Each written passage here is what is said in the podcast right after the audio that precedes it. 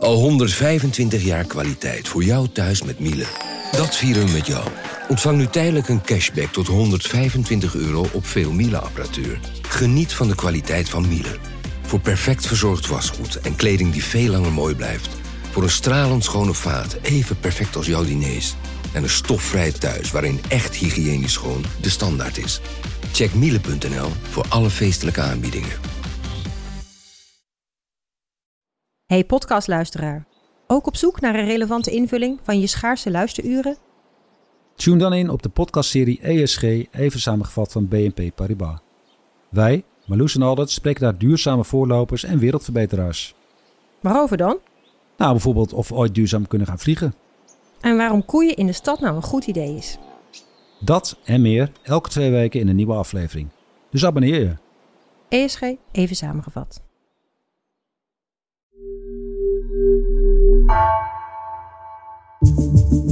Vanaf de redactie van NRC het verhaal van vandaag. Mijn naam is Egbert Kalsen.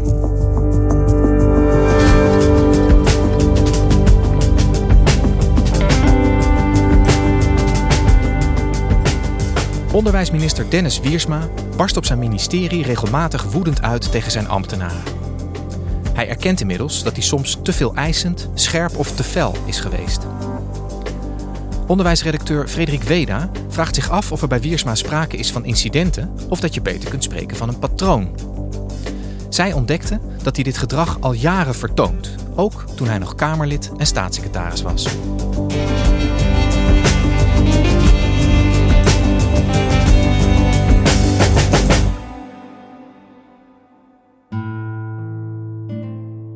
Afgelopen weken verdiepte Rick Rutte en ik ons in het gedrag van minister Dennis Wiersma voor basis en voortgezet onderwijs. Um, zijn gedrag als leidinggevende. Hij is een zeer charmante, getalenteerde politicus die uh, heel jong is nog, 37 op dit moment. En eigenlijk pas vier jaar in Den Haag werkt. En vrijdag 21 april kwam de Telegraaf ochtends met een bericht dat een aantal ambtenaren anoniem melding maakten van wangedrag van Dennis Wiersma. Goedemorgen. Minister Wiersma voor Onderwijs is vorig jaar meerdere malen tekeer gegaan tegen zijn ambtenaren. Volgens de Telegraaf zouden enkele van die ambtenaren daarom zijn opgestapt. Dat was best wel een pittig bericht. En hij reageerde onmiddellijk. Zo'n eerste jaar als minister is natuurlijk ook, uh, is ook best spannend. Ik zei dat is niet goed, hè? dus ik heb vorig jaar teruggeblikt en gerealiseerd dat ik soms eh, fel ben, soms ook te scherp, dat ik veel van mensen vraag, soms ook druk opleg.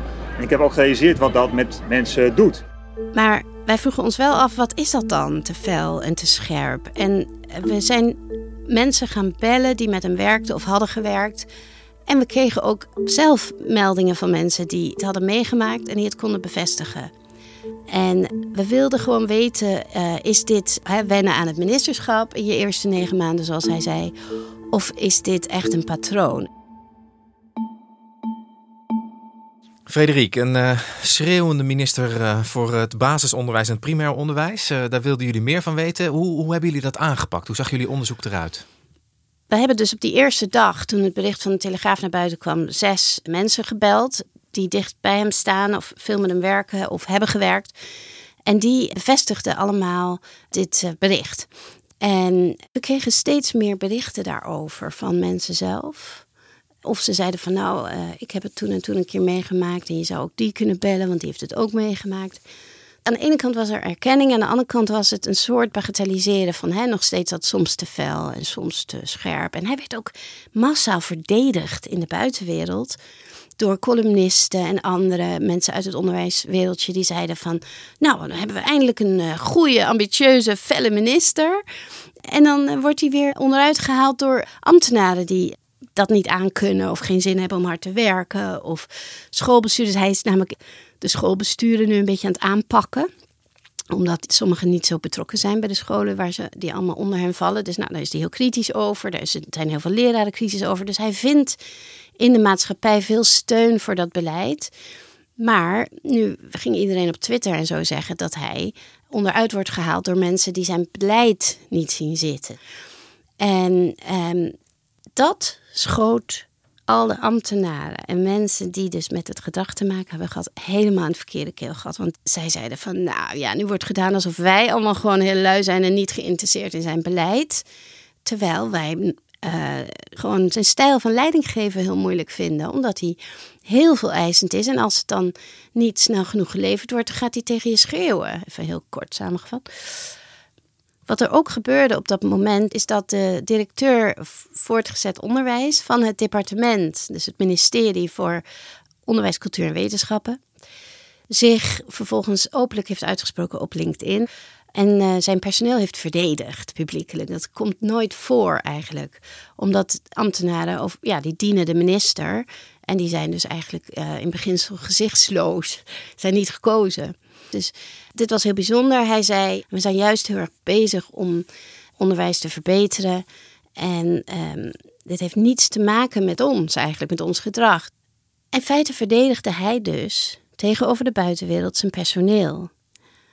Want het personeel zelf wilde dus dat hun eigen minister dat deed. Maar die deed het maar niet. Die, die verdedigde ze niet tegen de, de buitenwereld. Dus heeft die uh, directeur uh, dat wel gedaan. Dus direct na die eerste berichten gaat het er eigenlijk best wel hard en toe. Hè? zowel in het departement met zo'n bericht van zo'n directeur als in de media. Het trekt veel aandacht. Hoe, hoe zijn jullie verder gegaan toen? Wij kregen uh, steeds meer berichten dus van ambtenaren en uh, andere mensen die voor hem hadden gewerkt. Wie belden we en uh, praten we mee en lang. Die wilden allemaal anoniem hun verhaal doen. Dat doen wij als krant niet vaak omdat het heel moeilijk is om. Ja, je moet iets, een verhaal, zeker zo'n controversieel verhaal, moet je aannemelijk maken. Uh, je wil iemand niet zomaar beschadigen op basis van anonieme geluiden. Maar deze mensen wilden anoniem omdat ze, ja, of nog wel voor hem werken, of nog verder willen in Den Haag, hè, in dat Haagse circuit waar ze zitten. En dus, ja, gewoon kennelijk zich schamen om uh, openlijk hun naam te noemen uh, bij zo'n bij zo'n onderwerp. Dus we hebben afgezien van de regel die we normaal hanteren, dat we dus uh, anonieme bronnen niet gebruiken. En omdat we er zoveel hadden inmiddels, we hadden er dus al zes, toen hebben we er nog twaalf of dertien daarna gesproken. Die mensen vertelden dat ze met hem hadden gewerkt of een keer hem hadden ontmoet of ja, wat ze hadden meegemaakt. En, en, en kun jij vertellen wat voor soort verhalen over Wiersma er naar boven kwamen in die gesprekken? Uit al die gesprekken bleek uh, drie dingen. Als eerste was dat minister Wisma uh, woedeaanvallen heeft. En boos wordt op zijn personeel als dingen niet snel en naar zijn smaak goed zijn uitgevoerd. Um, dan gaat hij schreeuwen. En uh, dat hebben veel mensen meegemaakt. In de VVD-fractie in 2019 had hij bijvoorbeeld als Kamerlid een persoonlijk medewerker die hard werkte voor hem en uh, allerlei evenementen moest organiseren waar hij dan als middelpunt op het podium stond. Maar ook uh, zijn kamerbrieven schrijven, dingen lezen, nou, inhoudelijk werk voor de Kamer. Hij, uh, hij schreeuwde wekelijks tegen die persoon, soms dagelijks. En veel andere collega's en medewerkers zagen deze persoon soms huilen op de gang. Deze persoon is na een jaar vertrokken, na allerlei gesprekken, ook met fractiebestuur, en is gaan werken bij een ander Kamerlid. Het tweede ding wat bleek uit die gesprekken was dat uh, minister Wiersma heel graag nieuwe nieuws en beleid aankondigt. Bijvoorbeeld toen hij demissionair staatssecretaris voor Sociale Zaken was, vijf maanden lang, en dat was in 2021, wilde hij uh, ook heel snel ja, indruk maken met beleid en daden. Dus opeens zaten ze een ambtenaar te kijken naar een programma Kassa. Maar nu eerst, kinderen in Nederland mogen onder de 13 jaar niet zomaar meewerken aan een reclamespotje of een televisieprogramma. Daarvoor gelden strenge regels om kinderarbeid te voorkomen. Online lijkt echter een andere realiteit te gelden. Waar het gebruik van kinderen in filmpjes van vloggers, die verdienen daar veel geld aan. commerciële filmpjes zijn dat. En de kinderen worden daarvoor uh, gebruikt, hun eigen kinderen. En hij had dat bestempeld als um, kinderarbeid. En dat mag niet. Ik spreek hierover verder met demissionair staatssecretaris van Sociale Zaken en Werkgelegenheid Dennis Wiersma. Heel fijn dat u er bent. Minister Wiersma kondigde toen meteen aan in dat programma dat hij een meldpunt ging openen. Dan willen we nu zeggen, hey, dit zijn maatregelen waar wij aan denken. Dan gaan we dat ook uh, een meldpunt starten om dat aan mensen te vragen. Hè. Zie jij dingen die niet door de beugel kunnen? Of wat vind je ervan? Hè? Dat willen we ook van mensen weten, ook van pedagogen. En dan hopen we dat snel in wetgeving uh, te kunnen verankeren. Dus begin volgend jaar uh, hopen we die discussie hier ook te kunnen starten. En die ambtenaren die dachten echt van, hé, wat zegt hij nu? Want niemand had hier eigenlijk uh, een plan voor bedacht al. Hè? Niemand wist dat ze dit moesten gaan uitvoeren. Dus dit soort plannen publiekelijk aankondigen om indruk te maken op het publiek, dat kan eigenlijk niet, tenzij je het al hebt doorgesproken met de mensen die het moeten uitvoeren, hè, je ambtenaren. Ja, dat lijkt me ook redelijk onwerkbaar als je een ambtenaar bent, toch? Dat je, dat je minister gewoon dingen gaat zitten verkondigen waar niemand wat vanaf weet op zo'n departement. Ja, dat is uh, enigszins stressvol, vooral als een half jaar later de minister vraagt. Uh, zeg, is dat al klaar en is dat al af? Terwijl, het, snap je, de, de deadline wordt dan veel sneller, omdat het al was, publiekelijk was aangekondigd. Dus dan moet je het ook veel sneller gaan organiseren opeens. En dat bleek dus ook uit alle gesprekken. En dat is misschien wel het belangrijkste. Uh, enorme profileringsdrang.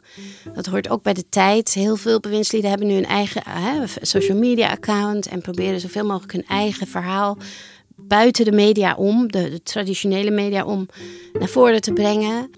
En hij doet dat heel veel. Hij wil eigenlijk elke dag op Instagram staan of op Twitter met een foto van zichzelf, met een klas kinderen of een leraar. Um, Wiesma heeft uh, eh, 19 mensen in dienst op het departement die zijn uh, profilering en zijn publiciteit organiseren. Net als overigens heel veel ministers. Dat is heel gewoon tegenwoordig. Uh, maar hij vindt het echt extreem belangrijk. Veel belangrijker nog dan andere bewindslieden. Uh, hij houdt zich er ontzettend mee bezig. Uh, het moet bijna elke dag moet er weer iets te melden zijn. En hij bemoeit zich ook met de cameravoering en met de, hè, alles, de tekst, et cetera. Dus hij, hij zit er bovenop. Dus Wiersma wil graag heel zichtbaar zijn, hè? zich echt profileren zoals jij het noemt. Hoe, hoe gaat dat in zijn werk? Hoe ziet dat eruit? Een van de mensen die op deze manier voor hem heeft gewerkt, drie maanden bij Sociale Zaken, was Ralf de Jong. Bij het ministerie van Sociale Zaken was ik samen met een eh, andere collega verantwoordelijk voor de social media accounts van eh, Dennis Wiersma. Het eerste moment dat ik atypisch vond voor het werk op een ministerie was toen Dennis Wiersma in een stafoverleg aankondigde dat er de volgende dag een VVD-lid een dag met hem mee zou lopen. En dat hij vroeg of ik een foto voor zijn Instagram kon maken en plaatsen met een tekstje. Die foto was dan van een VVD-stagiair en dat is voor ambtenaren niet de bedoeling dat je VVD-content gaat maken. Maar hij vond dat ik daar moeilijk over deed. En pas nadat ik drie keer nee zei, kon hij loslaten uh, dat ik dit niet uh, ging doen en dat dit van zijn politieke assistent moest komen. Ik denk dat we er op de communicatieafdeling vooral ook gewoon last van hadden dat hij zich nou echt op detailniveau enorm bezig hield met zijn communicatie. En natuurlijk zijn het zijn persoonlijke social media accounts, dus is het ook logisch dat hij daar wat van vindt als je daar teksten voor schrijft. Maar als je daar iedere keer via WhatsApp bezig blijft om een, uh, een tekst aan te passen en te veranderen totdat die naar zijn uh, zin is, dat kostte zoveel energie. Dat was ook gewoon onevenredig met wat eigenlijk je rol is als staatssecretaris. Dit is dus weer een voorbeeld van hoe uh, belangrijk Weersma het vindt om uh, positief over te komen in de media, hè, op Instagram of waar dan ook. Een ander voorbeeld is in de tijd dat hij bij sociale zaken werkte, dat hij naar een school ging waar hij heel graag op de foto wilde met wat studenten. De jongens wilden absoluut niet op de foto. De fotograaf zei: laten we die foto's maar niet gebruiken, want die jongens willen echt niet. Maar minister Wiersma wilde dat wel zo graag dat het dan gewoon wordt doorgezet. Dus hij, ja, een enorme um, dadendrang ook op dit gebied. En dit heeft de minister dus niet alleen als bewindspersoon gedaan bij onderwijs en sociale zaken, maar ook eerder bij de VVD-fractie. Dit zijn dus geen incidenten meer, dit is echt een patroon van gedrag. Het is onder continue onderspanning. Um, je willen laten zien wat je doet. En daar andere mensen voor inzetten die voor je werken. En we hebben het minister Wiersma zelf ook voorgelegd. We hebben hem vijf vragen gesteld vorige week. concrete vragen over wat we allemaal gehoord hadden. En hij heeft daarop geantwoord met een lang verhaal. Dat is altijd bij bewindslieden. We hebben daar de belangrijkste dingen uitgelicht in de krant. En dat luidde vooral dat hij met zichzelf aan de slag is gegaan sinds de klachten hem te oren zijn gekomen bij onderwijs. En dat hij uh, open staat voor alle kritiek en feedback. Dat zijn deur altijd open staat. En dat hij um, niet meteen een ander mens is geworden. Maar dat hij wel echt zijn best doet om nu zich anders te gedragen.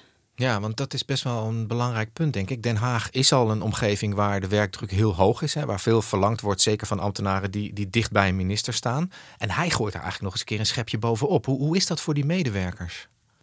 Niet elke medewerker had evenveel last natuurlijk van uh, de boosheid of uh, geschreeuw. Ralf bijvoorbeeld wat minder. Zeker met het, het schreeuwen, met deuren slaan, met intimiderend gedrag. Daar heb ik gelukkig nauwelijks persoonlijk mee te maken gehad.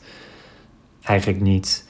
Maar ja, ik denk dat je daardoor heel snel ook uitgekeken bent op je werk uh, bij een ministerie. En dat vind ik gewoon doodzonde. Dat je daarmee goede mensen als ambtenaren wegjaagt bij de Rijksoverheid. Wij hebben zelf heel concreet zeven mensen gesproken die zijn weggegaan in een functie bij minister Wiersma of Kamerlid Wiersma of staatssecretaris Wiersma vanwege zijn gedrag. En sommigen hebben daar echt last van tot op de dag van vandaag, vertelden ze. Jemig, Frederik, dat, uh, dat zijn uh, nou ja, harde feiten over Wiersma en ook echt mensen die dus vertrokken zijn. Uh, er is de laatste anderhalf jaar sowieso veel aandacht hè, voor, voor dit soort gedrag van leidinggevenden. ook binnen andere organisaties dan alleen bij OCMW. Um, hoe, hoe, hoe gaat het ministerie tot nu toe om met wat zij horen over Wiersma? Wat, wat gebeurt er om dit probleem op te lossen? De andere twee bewindslieden bij OCMW, Oesloe en Dijkgraaf, hebben sessies georganiseerd naderhand met hun personeel om erover te praten. Minister Wiersma heeft dat zelf nog niet gedaan, een sessie echt met een groep. Wel heeft hij opgeroepen per e-mail hè, of per brief om aan personeel dat last van hem heeft gehad om zich te melden. En natuurlijk, in elke organisatie kan iemand die ergens last van heeft een klacht indienen of zich melden. Eh, dat gebeurt ook. Maar uh, dat het in elk geval onderwerp van gesprek is en dat het niet echt een taboe meer is, uh, is wel duidelijk. En dit is natuurlijk heel contraproductief op, in zo'n organisatie die heel veel moet bereiken de komende jaren. En heel druk heeft met problemen in de maatschappij, in het onderwijs. Als er zoveel stress gaat naar arbeidsverhoudingen en gedoe in de buitenwereld en conflicten. Het is gewoon niet de bedoeling. Dus mensen die wij hebben gesproken zeggen dat de secretaris-generaal of de ondernemingsraad hier echt iets mee moet. En dat is dan Wiersma in zijn rol als leiding zeg maar, van die ambtelijke organisatie. Hij is ook politicus. Hoe ligt het daar? Ik bedoel, is, er, is de Kamer al boos op hem over al deze dingen die er naar buiten gekomen zijn? Wordt hij aangesproken door collega-bewindslieden? Na de eerste twee berichten werd er een beetje gegeneerd weggekeken. Uh, maar nu, na het stuk van afgelopen zaterdag, hebben we begrepen dat er vandaag, vanmiddag, Kamervragen worden gesteld aan de minister over zijn gedrag. Ook omdat politici weer zeggen, hij heeft ook een voorbeeldfunctie als minister van Onderwijs. Voor, voor scholen, voor leerlingen, voor kinderen. Um, ja, dus ik denk wel dat hij ter verantwoording zal worden geroepen in de Kamer. Want het is in kringen die werken met Weersma eigenlijk al langer bekend. Hè? De, in de Tweede Kamer is hij hierop aangesproken destijds. Hij is er nu ook door, in, bij Sociale Zaken is hij op het gedrag aangesproken. En nu opnieuw bij OCW. Inmiddels is de vraag wat de Tweede Kamer als politiek hè, orgaan hiervan vindt. Ja, de vraag is aan hen of dit acceptabel is voor een minister, dit gedrag, of voor een leidinggevende op een de departement. Dankjewel, Frederik. Geen dank, Egbert.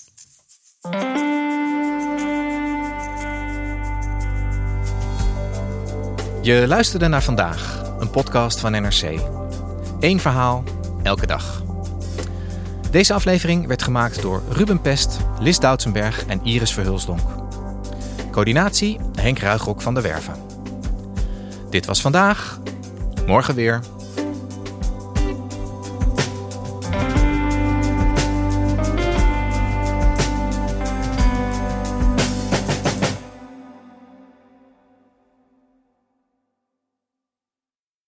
Technologie lijkt tegenwoordig het antwoord op iedere uitdaging.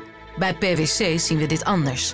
Als we de potentie van technologie willen benutten, kunnen we niet zonder een menselijk perspectief. Human-led, tech-powered noemen we dat. Ga naar pwc.nl.